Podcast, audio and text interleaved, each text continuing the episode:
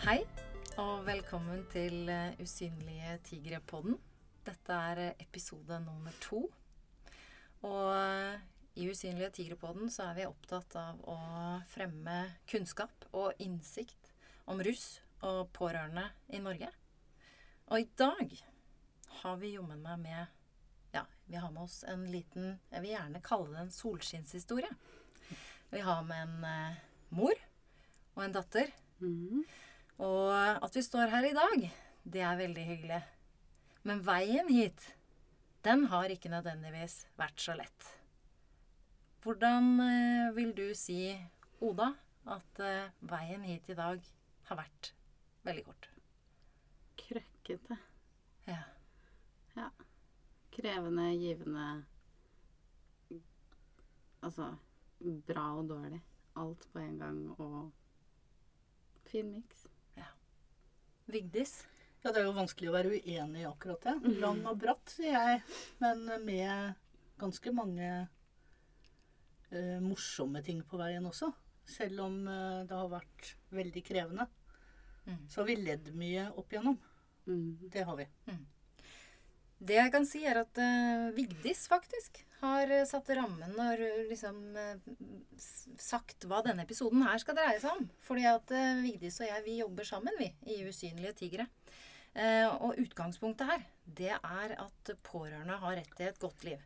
Uavhengig av hva den som ruser seg, velger å gjøre med sitt liv. Vigdis, har du lyst til å presentere deg sjøl? Ja. Jeg er jo da en del av nettverket Usynlige tigre. Eh, jeg skriver bloggen Mora di, som handler om rus. Jeg har en liten stilling i eh, pårørende- og brukerorganisasjonen Alarm, eh, der jeg er pårørendekontakt for Vestfold og Buskerud. Så jobber jeg som journalist, og så skriver jeg på litt andre ting. Sånn at jeg kommer med en diktsamling kanskje til høsten, hvis den blir ferdig. Ja. Eh, pedagog i bånn. Det er vel nok om akkurat det, tenker jeg. Ja. Eh, så er jo mora til Oda, da. Det Ja. Mhm. Oda, Ja, velkommen. takk. Har du lyst til å presentere deg? Ja, jeg er jo dattera til mamma. Eh, nei, jeg heter Oda og er 27 år. Og min forbindelse hit er jo at jeg er tidligere rusmisbruker. Mhm. Hvor mange år? Ti år. Ti år. Fra du var Ja, ti år som rusmisbruker og tre år som nykter blir du, da. Ja. Mm. Gratulerer med det. Jo, takk. Mm. Eh, inni denne ferden deres, vi skal se på dette her i en tidslinje, Mm. så eh, har det jo skjedd ganske mye. ja. Har du lyst til å si litt om det, Vigdis? Eh, hvis vi skal si helt konkret eh, noe om eh, historien, så var det sånn at Oda begynte å ruse seg når hun gikk på ungdomsskolen. Eh, som i de fleste andre tilfeller så var jo ikke vi de første som oppdaga at hun rusa seg, men vi var relativt tidlig. Vi oppdaga det på slutten av ungdomsskoletida. Eh, da gjorde vi sånn som man har lært at man skal gjøre. Vi satte grenser, og det skal vi snakke mer om. Akkurat det med grensesetting. Det funka jo ikke. Eh, Sånn at Oda fortsatte å ruse seg. Men vi satte etter hvert noen grenser for oss sjøl og tok grep sånn at vi kunne ha et ålreit liv, vi andre i familien. Selv om vi ikke visste helt hvordan det var med Oda til enhver tid. Og da Sånn at vi begynte med pårørendekurs. Vi gikk på kurs, vi meldte oss inn i interesseorganisasjoner. Eh, Og da Oda var 23, nesten 23, i 2015, så var hun klar for behandling. Og da var vi med på den reisa videre i behandlinga. Og jobba med det også som familie. Mm. Var det greit oppsummert, Oda? Ja, var det ikke det? Så Fra er det jo et pårørendeperspektiv så er det jo det, tenker jeg. Ja, og fra et pårørendeperspektiv så er det jo sånn at eh, ti år, så er jo det Det sier seg jo sjøl at det ikke kan være like heftig hele veien. Mm. Sånn at hvis jeg skal sette noen ramme på det, så var det veldig ille å være pårørende med en gang. Fordi at en har jo ikke lyst til å ha en unge som ruser seg, og en leiter jo etter feil. Og en ser jo først på Ikke først på seg sjøl, for først så ser du om du finner en ytre årsak. Mm. Du ser jo om du kan skylde på skolen, eller om en kan skylde på Nav, eller hva som helst. En leiter jo etter skyld. Når en ikke finner det, så ser du jo på deg sjøl og tenker 'hva har jeg gjort for noe gærent'? Og så brukte vi jo litt tid der. Vi tenkte jo at vi måtte ha gjort noe feil. Og så skjønte vi at vi var jo vanlig snille folk eh, som ikke hadde gjort så veldig store feil. i hvert fall. Ikke noe som skulle skape en rusmisbruker, i hvert fall. Og da begynte vi å se på dårlige venner. Mm. Eh, og så gikk det ganske fort opp for oss at i den settinga der var Oda en dårlig venn. Var en sånn som jeg ville advare andre foreldre mot. Sånn at vi hadde ikke noen. Vi kunne ikke skylde på noen. Og da kunne vi be om, også be om hjelp. Så vi var tidlig inne til å være foreldre inni et hjelpeapparat. Lenge før Oda innrømma at hun var eh, rusavhengig, hadde vi bedt om hjelp for vår egen del. Ja. Det tror jeg var noe av nøkkelen hos oss. Det hjalp jo ikke noe. Ingen av de tiltakene vi gjorde, hjalp jo. Men det hjalp, det hjalp ikke sånn at det slutta At rusen slutta, men det hjalp sånn at vi fikk det bedre. Ja. Ja. Og underveis i alt dette her Mhm. Så altså, du fremstår jo i dag som en sånn utrolig nydelig, eh, snill, god, eh, omtenksom, reflektert jente. Eh, Prøver. ja. Og så, har det jo vært underveis litt sånn at eh, måtte jo kjøpe en safe hjemme. Måtte passe på penga. Ja, ja. Her har det vært, eh, her har det vært litt sånn litt vanlige ting som pårørende, altså foreldre, Mm. familie, kan bli litt eh, utsatt for, da. Ja. Du følger gjerne med i pakka, den der manipuleringen og stjeling og testing av grenser og Det gjør jo det. Og det er jo stort sett en del av ungdomstiden generelt, og så blir det vel ofte litt annerledes når man er uh, ungdom som ruser seg, da. For hva, hva er det som blir annerledes uh, da?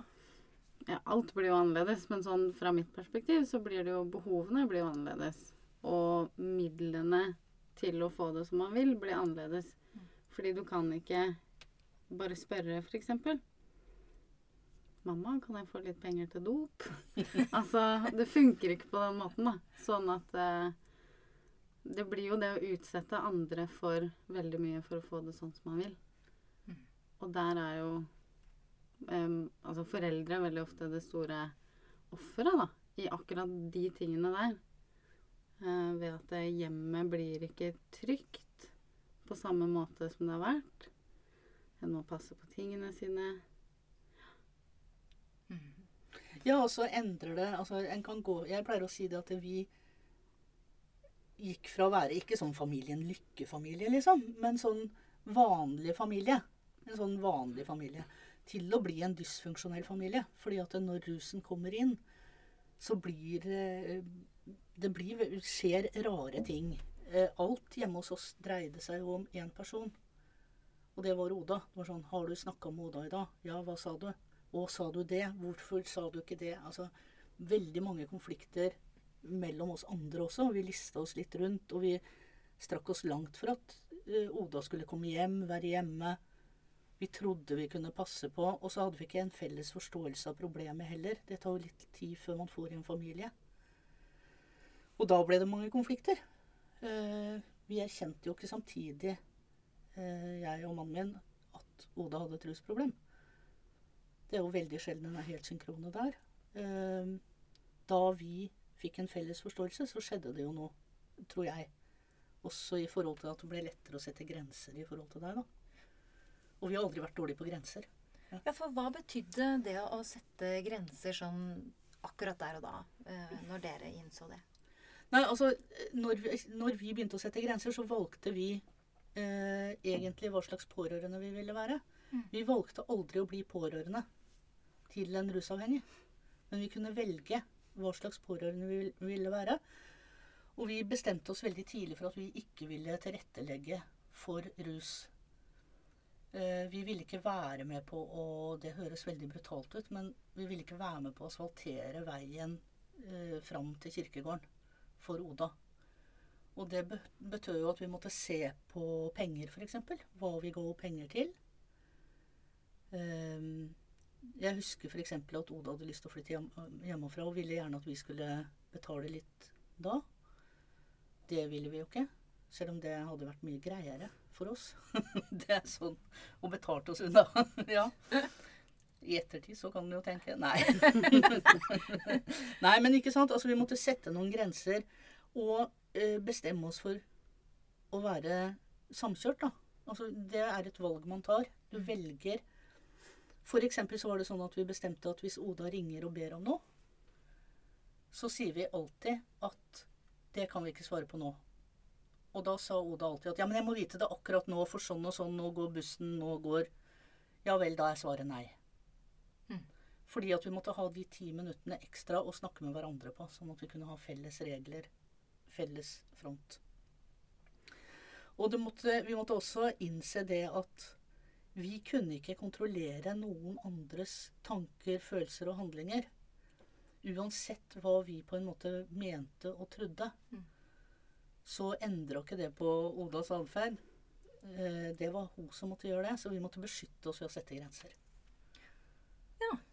Hvordan opplevde du alle disse grensene her da, Oda?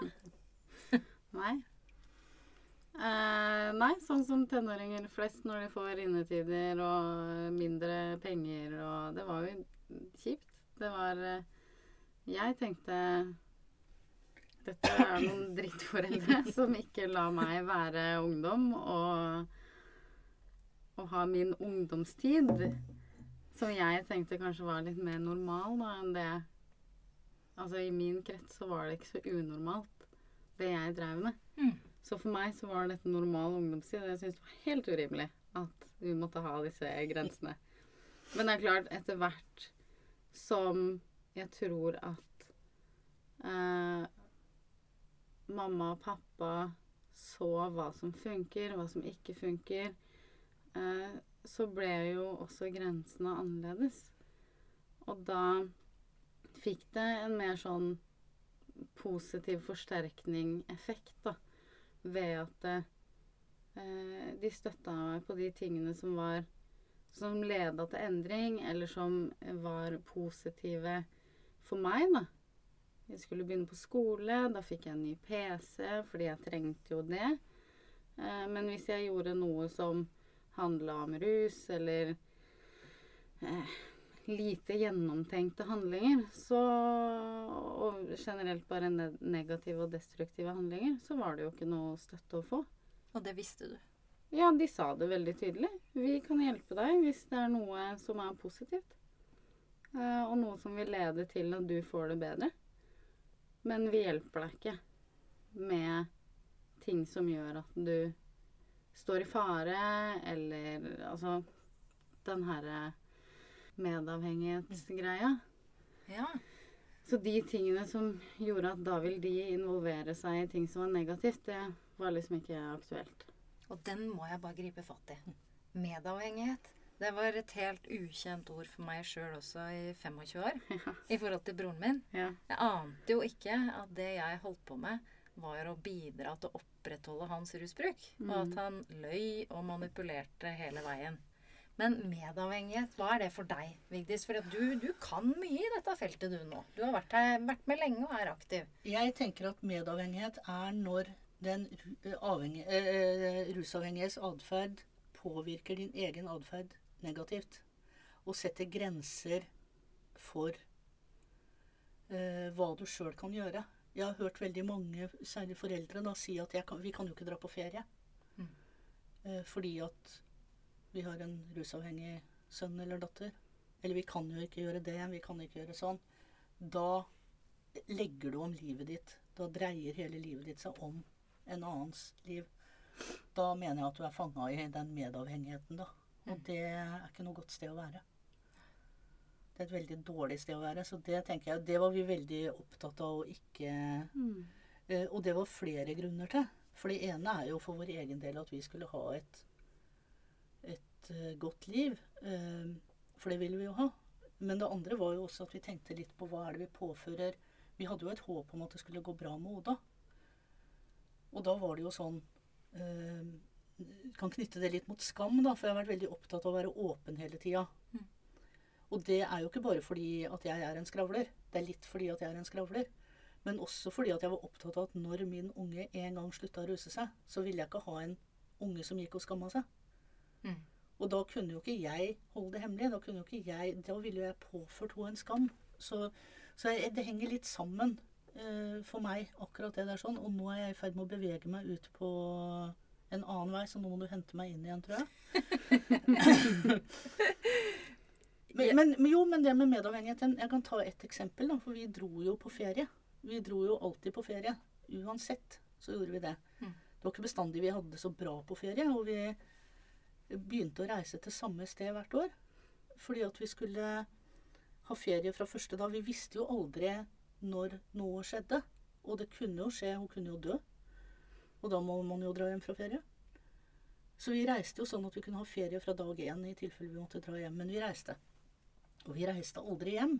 Ikke da vi fikk telefon heller. Eh, om at eh, Oda hadde tatt en overdose.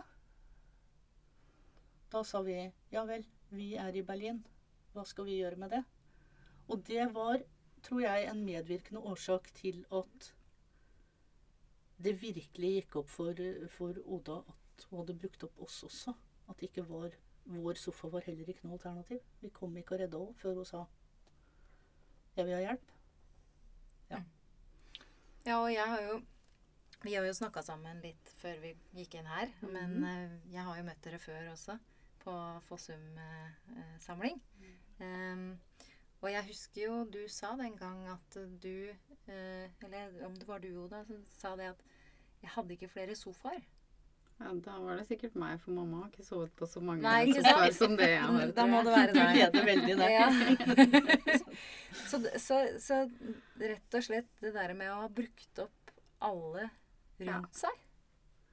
Ja, det skjer jo det når du Altså En ting er jo de handlingene Altså oppførsel er jo én ting.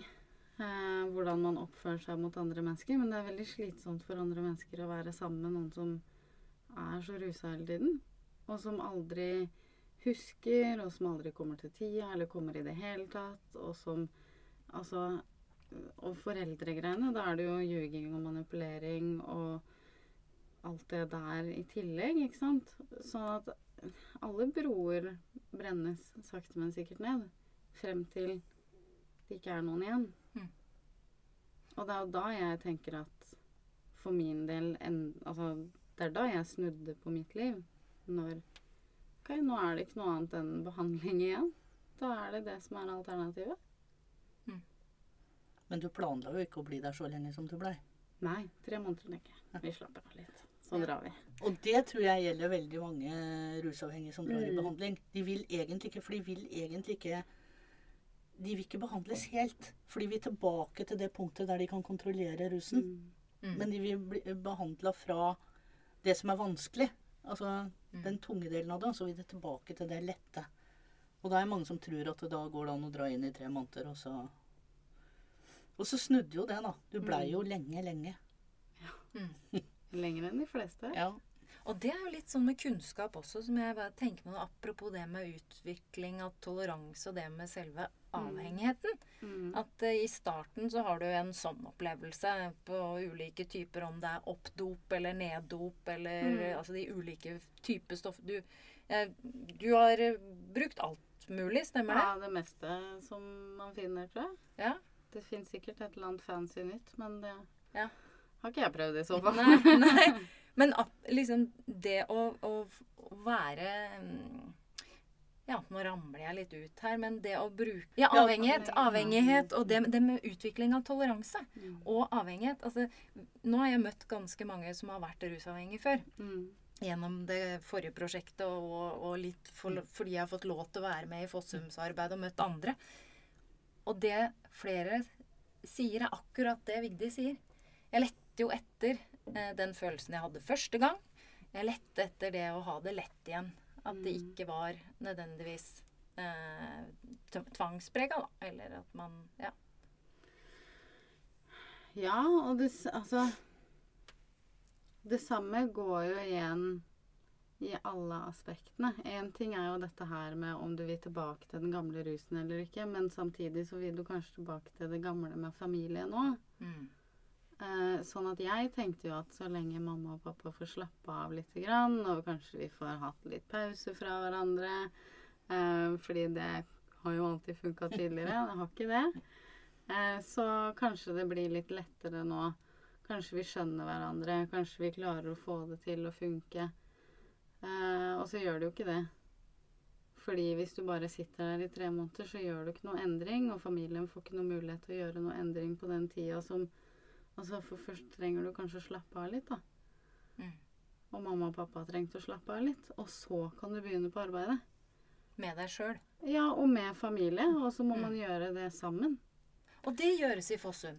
Det gjøres i Fossum. Det gjøres flere andre steder også. Men, Mm. Og jeg tror det er helt nødvendig at en har et arbeid rundt det. Fordi at eh, når du sier det med at du skulle hvile litt, da.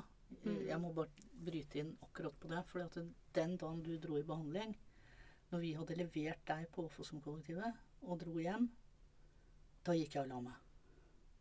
Og da, de neste ukene og kanskje månedene Jeg trodde ikke du kom til å bli der så lenge. Jeg tenkte tre uker kommer du til å være der. Jeg skal sove. Og jeg sov, og jeg sov, og jeg sov. Jeg sto opp øh, Jeg sto opp for å gå på do. Jeg sto opp for å spise. Og jeg sto opp for å jobbe. Det var de tinga jeg gjorde. Og så sov jeg. Klappa litt på katta innimellom. Men, men jeg sov, altså. Jeg var så sliten. Og den slitenheten, den satt veldig lenge i. Men det med sånn å, å, at familien, hele familien behandles, da, eller er, er i endring, det tror jeg er kjempeviktig. For hvis den som er i behandling, kommer hjem til en familie som venter, som ikke har forandra seg, og venter å få tilbake den ungdommen de kjente før den begynte å ruse seg Mm. Eh, Hvis det er det de tror og håper på, så skjer jo ikke det. Fordi at da har jo for det første gått noen år. Jeg ville jo ikke hatt en tolvåring tilbake i huset. For all del. Altså det Selv om det var hyggelig, det. Da hadde jeg måttet bo hjemme, vet du. da hadde du måttet bo hjemme, ja. Men, men det er noe med det at det, det har jo skjedd en utvikling. Og, og de som er i behandling, de jobber så mye og så intenst med seg sjøl at hvis ikke familien henger med, og også får bearbeida ting, og får et nytt språk på ting, så møtes man jo ikke på samme sted. Mm. Og det tror jeg er kjempeviktig. Mm. Og det tenker jeg også på. Én ting er det nettverket de som er rusavhengige, får i behandling. Mm. Det er viktig. For er det noe man kanskje har mista, så er det venner. Mm. Så det å vokse eh, sammen eh, er viktig. Men det jeg definitivt også ser, det er det flotte arbeidet som både Fossum-kollektivet og Phoenix Haga og Klokkargården og de som, de som gjør dette familiearbeidet godt, eh, hva de får til, det er jo nettverk. Mm. Når menneskene står i situasjonen, uansett hvordan det går, om det blir tilbakefall, om det blir eh, på en måte om det, living happily ever after Å stå i dette her, og det å ha et nettverk Ja, det er kjempeviktig. Og i den bransjen her så er det jo ingen utfall som er gitt. Altså det er jo sånn at sannsynligheten for å mislykkes er jo veldig stor eh, hos de som drar i rusbehandling. Og det betyr jo at eh, de pårørende Sannsynligheten for at de går inn i en sånn ny runde, er jo veldig stor. Mm. Og da er det kjempeviktig å ha med seg verktøy. Altså, og til og med Altså, noen dør jo også. Mm. Og, og de verktøyene en får med seg i familiearbeidet, de er kjempeviktige. Fordi at en tar tilbake sitt eget liv. Og en legger ansvaret for eget liv hos seg sjøl, og ikke hos den som ruser seg, eller Nav, eller barnevern, politi. Mm. Altså, det tror jeg er viktig. Nå skal det jo også sies at selv om man får et altså, nyktert nettverk når man er i behandling av de, med de andre som også er i behandling, så sånn som mamma sier at det er jo ikke alltid folk klarer seg. Mm. Og da er det jo veldig Familien er jo familie uansett, på en måte. Da er det veldig viktig å ha den familien. Fordi en kanskje er nødt til å ta avstand fra andre mennesker. Mm. De som man egentlig har bygd opp sånn et eh, nyktert nettverk med, da. Mm. For familien er jo på en måte i et sånt nettverk det eneste som kan være en sånn helt stabil, støttende faktor når resten av nettverket kanskje ikke klarer seg. Jeg vet jo Det er ikke så veldig mange igjen fra mitt kull Mm. som eh, er nyktre. Altså statistisk sett så er det jo veldig mange som ikke er nyktre resten av livet. Og, og midt oppi dette altså Apropos handlingsrom, da. Eh, vi snakka om i stad det med at eh, og, og som du blogger om, da. Eh, midt oppi hjelpeapparatet med ruskonsulent og med, med, med kommunalt tilbud og alt det der. Eh, så, så på en konferanse du var, så var det faktisk altså det var faktisk ikke familien adressert. Så du fikk lov til å komme og ta ordet og si litt om det. Eh, Ja, det var en eh, fagdag eh, som skulle handle om, om pårørende. Og så var det ingen pårørende i panelet. Så jeg sa at jeg må få sitte i dette panelet, og det fikk jeg. Så, så en glemmer jo ofte å trekke inn pårørende til og med når ting handler om dem. Ja. Da blir det sånn, hva kan vi gjøre for pårørende? Kan vi, kanskje vi skal spørre de pårørende hva som skal gjøres for dem? Ja. Det tenker jeg er litt lurt. Men ikke nødvendigvis tro på alt det de pårørende sier. Fordi at jeg, hva jeg hadde behov for, eller trodde jeg hadde behov for, da min unge begynte å, å ruse seg, og hva som var det som nytta, det var to forskjellige ting. Oh. Fordi at det jeg ville, den gangen som jeg fortsatt trodde at vi kunne gjøre noe, det var jo å ha de grensene. Altså hun skulle komme seg på skolen, vi skulle sørge for at hun kom seg til skolen. De på skolen skulle sørge for at hun var der. Ikke sant? Mm. Jeg ville egentlig ha, ha en mamma, jeg. På skolen og på Hvis hun skulle ha et sted å bo, så ville jeg gjerne at det skulle bo en mamma der også. Som passa på at hun spiste og passa på Det er jo helt urealistiske krav å stille til noen. Og jeg ville jo aller helst at de som jobba i systemet, skulle være tilgjengelige alltid. Ja. Jeg ville jo ikke at de skulle ha ferie, jeg ville ikke at de skulle ha noe hjem engang. De kunne bo på kontoret sitt, og der skulle jeg som pårørende få tak i dem når jeg ønska det. Og det er jo ikke realistisk. Altså, det er jo Så, så, så det mine ønsker den gangen, og hva jeg ønska meg seinere, var jo to forskjellige ting. Fordi at det jeg ønska meg seinere, var jo at noen skulle faktisk bidra til at min unge tok ansvaret sjøl. Mm. Og det var jo det som viste seg å være nøkkelen òg. At det å ta ansvaret sjøl, det Ga det mening, det jeg sa nå? Mm. Ja. Og det var vi jo litt inne på i stad. Eh, når vi snakka at eh, den dagen du virkelig fant motivasjonen, Mhm. Da visste du at eh, nå har jeg ikke noe Nå har jeg brukt dem opp. Ja, det var det som førte til motivasjonen, egentlig. Altså pluss selvfølgelig veldig mye mer, da. For det er jo klart, det er jo ikke bare det at å nei, nå er alle Altså, nå er mamma- og pappabanken brukt opp med alle de ressursene det er, enten det er penger eller tid eller omsorg, for den saks skyld. Bare det å kunne komme hjem og spise litt eller et eller annet sånt. Ehm,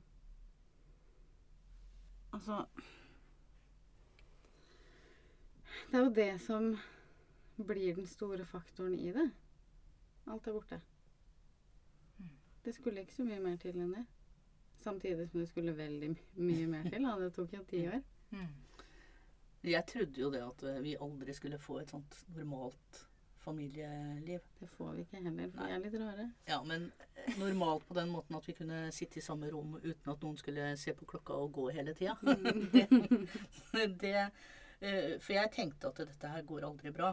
Og, og det er også noe av det som er å ta vare på seg sjøl som pårørende, og som en lærer i familiearbeid. Det er at noen ganger må du ta avstand. Noen ganger må du ta avstand fra ungen din. Mm. Noen ganger må du si at eh, du kan ikke være en del av mitt liv, sånn som ting er nå. Mm. Det er veldig vanskelig. Det er ikke ålreit. Og ikke ålreit å se at du tusla av gårde nedover veien med alt du eide i den kjempestore veska du bar på, liksom. Eh, Fordi at du ikke fikk sove hos oss. Altså, det var ikke ålreit, det. Men eh, jeg tror at hvis vi ikke hadde satt de grensene, så tror jeg ikke du hadde levd. Det tror jeg ikke. Nei. Det vet ikke jeg. Og du, bare fordi jeg vet det Du har jo, du har jo vært oppe i veldig tøffe episoder, Oda. Eh, med, med andres overdose, og, og, og det har jommen meg vært like før. Du møter på litt, og du får oppleve litt. Ja. Det er litt sånn som når du sier jeg skal ta et friår og reise litt. Det var bare et veldig langt friår med skikkelig dårlige reiser. ja. Så, og lite lommepenger. ja. og i dag studerer du Ja, Det gjør jeg. Ja. Studerer barnevern. og bor for deg selv. da. Ja, jeg har jo hund og, og kjæreste, da. Ja, ja. Klarer jeg deler det. Ja, ja, men det er veldig bra. Kan jeg spørre sånn før vi oppsummerer her nå eh, Oda, Mhm. hvilke råd har du til foreldre? For jeg er helt sikker på at de som det, det finnes en del som hører på dette her, Mm. og det de lurer på Hva skal de gjøre? Mm. Eh, jeg er jo generelt litt forsiktig med å gi råd, fordi vi er jo veldig forskjellige alle sammen, og jeg vet jo ikke hva som funker for andre. Men jeg vet, som jeg har nevnt, så er det de tingene med å bli støtta på gode valg Mm. eh, som man tar, som leder til positiv utvikling eller eh, inkludering i samfunnet og sånne ting. Eh, der er det veldig godt å bli støtta. Og så blir det så innmari tydelig hva som ikke er greit. Eh, og det det er en veldig klar grense, da. Eh, og så er det det med å, å gjøre det litt vanskelig. Sånn som å stoppe pengetilførsel, sette opp Altså selv om jeg fulgte mine tider, innetider, og fortsatte å ruse meg, så var det jo grenser som gjorde det vanskelig for meg å bryte totalt opp, da. Jeg hadde jo rammer likevel. Og det å kanskje sabotere litt noen ganger, hvis du får muligheten uten å Altså sånn som mamma og pappa som ringte til politiet og meldte meg savna, så de troppa opp på dørene til alle vennene mine. Og det var veldig kjipt for meg. Du blir ikke så veldig populær de neste dagene av det. Eh, Det var veldig kjipt for oss òg når du kjefta på oss for det etterpå. jeg slutta ikke å ruse meg, men det er klart noen sånne Å gjøre det så vanskelig som mulig, og det å gjøre det hele veien frem til jeg ikke hadde noe mer igjen. For da var det jo ikke bare vanskelig, det var umulig å opprettholde det. Mm. Og så betyr jo ikke det at man må fjerne alle faktorer i noens liv, men du kan gjøre det litt vanskeligere å holde på sånn som man gjør. Mm. Mm. Tenker jeg. Og noen ganger så funker det, og andre ganger funker det ikke. Men jeg tenker jo også det at det er veldig viktig å være følelsesmessig til stede når det er åpent for det. For det er jo at vi hadde vanskeligheter med i starten, før jeg reiste i behandling. Ja. Hva, hva innebærer egentlig det når du sier å være følelsesmessig til stede? Nå var jo for så vidt jeg verken fysisk eller følelsesmessig til stede veldig mye av tiden. Men det er noe med det å kunne ta imot hverandres versjoner av verden. Fordi vi har levd helt forskjellige liv eh, i, samme, i det samme samfunnet, da. Og det oppleves veldig forskjellig for meg. Jeg hata det når mamma sa men sånn er ikke verden. Og det stemmer jo for så vidt helt sikkert noen ganger. Men når jeg ville åpne opp for mitt, sånn er det for meg. Da tenker jeg at det er viktig å være til stede. Og det hjalp veldig mye, fordi da, når vi har åpna opp for å kunne prate om, om det, og akseptere at vi opplever ting forskjellig, og at det er helt greit, Mm. da åpner vi også opp for å diskutere andre ting. Reflektere. Hvorfor er det sånn? Ikke sant? Hva kan vi gjøre sammen? Hvordan kan vi møtes i dette? Mm. Så det tror jeg er veldig, veldig viktig så tidlig som mulig, egentlig. Å bare være For da kanskje det blir mindre konflikt, eller kanskje det ikke blir mindre konflikt, men det kan hjelpe på noe. Være åpne for hverandres perspektiver, og at de kan Ja. være ulike. Er ikke det noe av det viktigste i livet, da? Å bli anerkjent for den man er. Og selv om man er da, sånn som meg, da, en manipulerende 14-åring som, som ruser seg og oppfører seg som en dritt eh, ganske ofte, så vil jo jeg også bli sett for den jeg er. Mm. Og hvis din- ikke jeg blir det, så er det veldig vanskelig for meg å møte opp der som jeg vet at jeg ikke blir sett. Det var veldig fint sagt. Ja. Mm, og det tror jeg det er mange av oss som kan ta med seg. Ikke bare hjem til unga, Jeg men tror det gjelder alle. på jobben og Ja. til partnere og venner og hva det Ja. måtte ja. mm. Veldig lett å si vanskelig i praksis. Vi kan øve, da. Eh, helt sånn Jeg vet jo, Vigdis, i denne prosessen som dreier seg om mestring av denne alarmberedskapen, så starta vi med kjefting, grining Ja, og så videre. Kanskje ikke så mye grining, men litt. Og så vendepunkt. Og så Ja, nei, altså sånn Hos oss så var det jo altså all, Jeg tror de flere Jeg kan ikke si alle foreldre, for det er sikkert noen som ikke kjefter òg. Men min, når jeg blir redd, så kjefter jeg, da. Så jeg kjefta jo mye. Eh, Det funka jo ikke. Eh, Det funka ikke å grine heller. Det funker jo ikke å grine heller. Det gjør jo ikke det hvis mora di griner, liksom. Så det, da går det jo. Det, det funka jo ikke.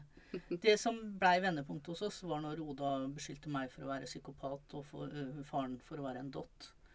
Og, og så tenkte jeg at ja, men det har vi blitt. For at jeg prøvde å kontrollere verden, og han trodde at bare han ga henne det hun trengte, så, eller sa hun trengte, så ble det bra.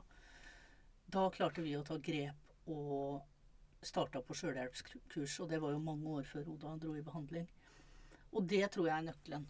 Ikke, det trenger ikke å være et kurs, eller det trenger ikke å være Men det trenger å være å anerkjenne at du er pårørende til en rusavhengig. Det her er ikke noe du kan fikse sjøl. Det har jo ikke funka. Altså det vi hadde gjort, det hadde jo ikke funka. Vi hadde jo ikke fått det til. Og det var ikke noe vits å gjøre mer av det som ikke virker.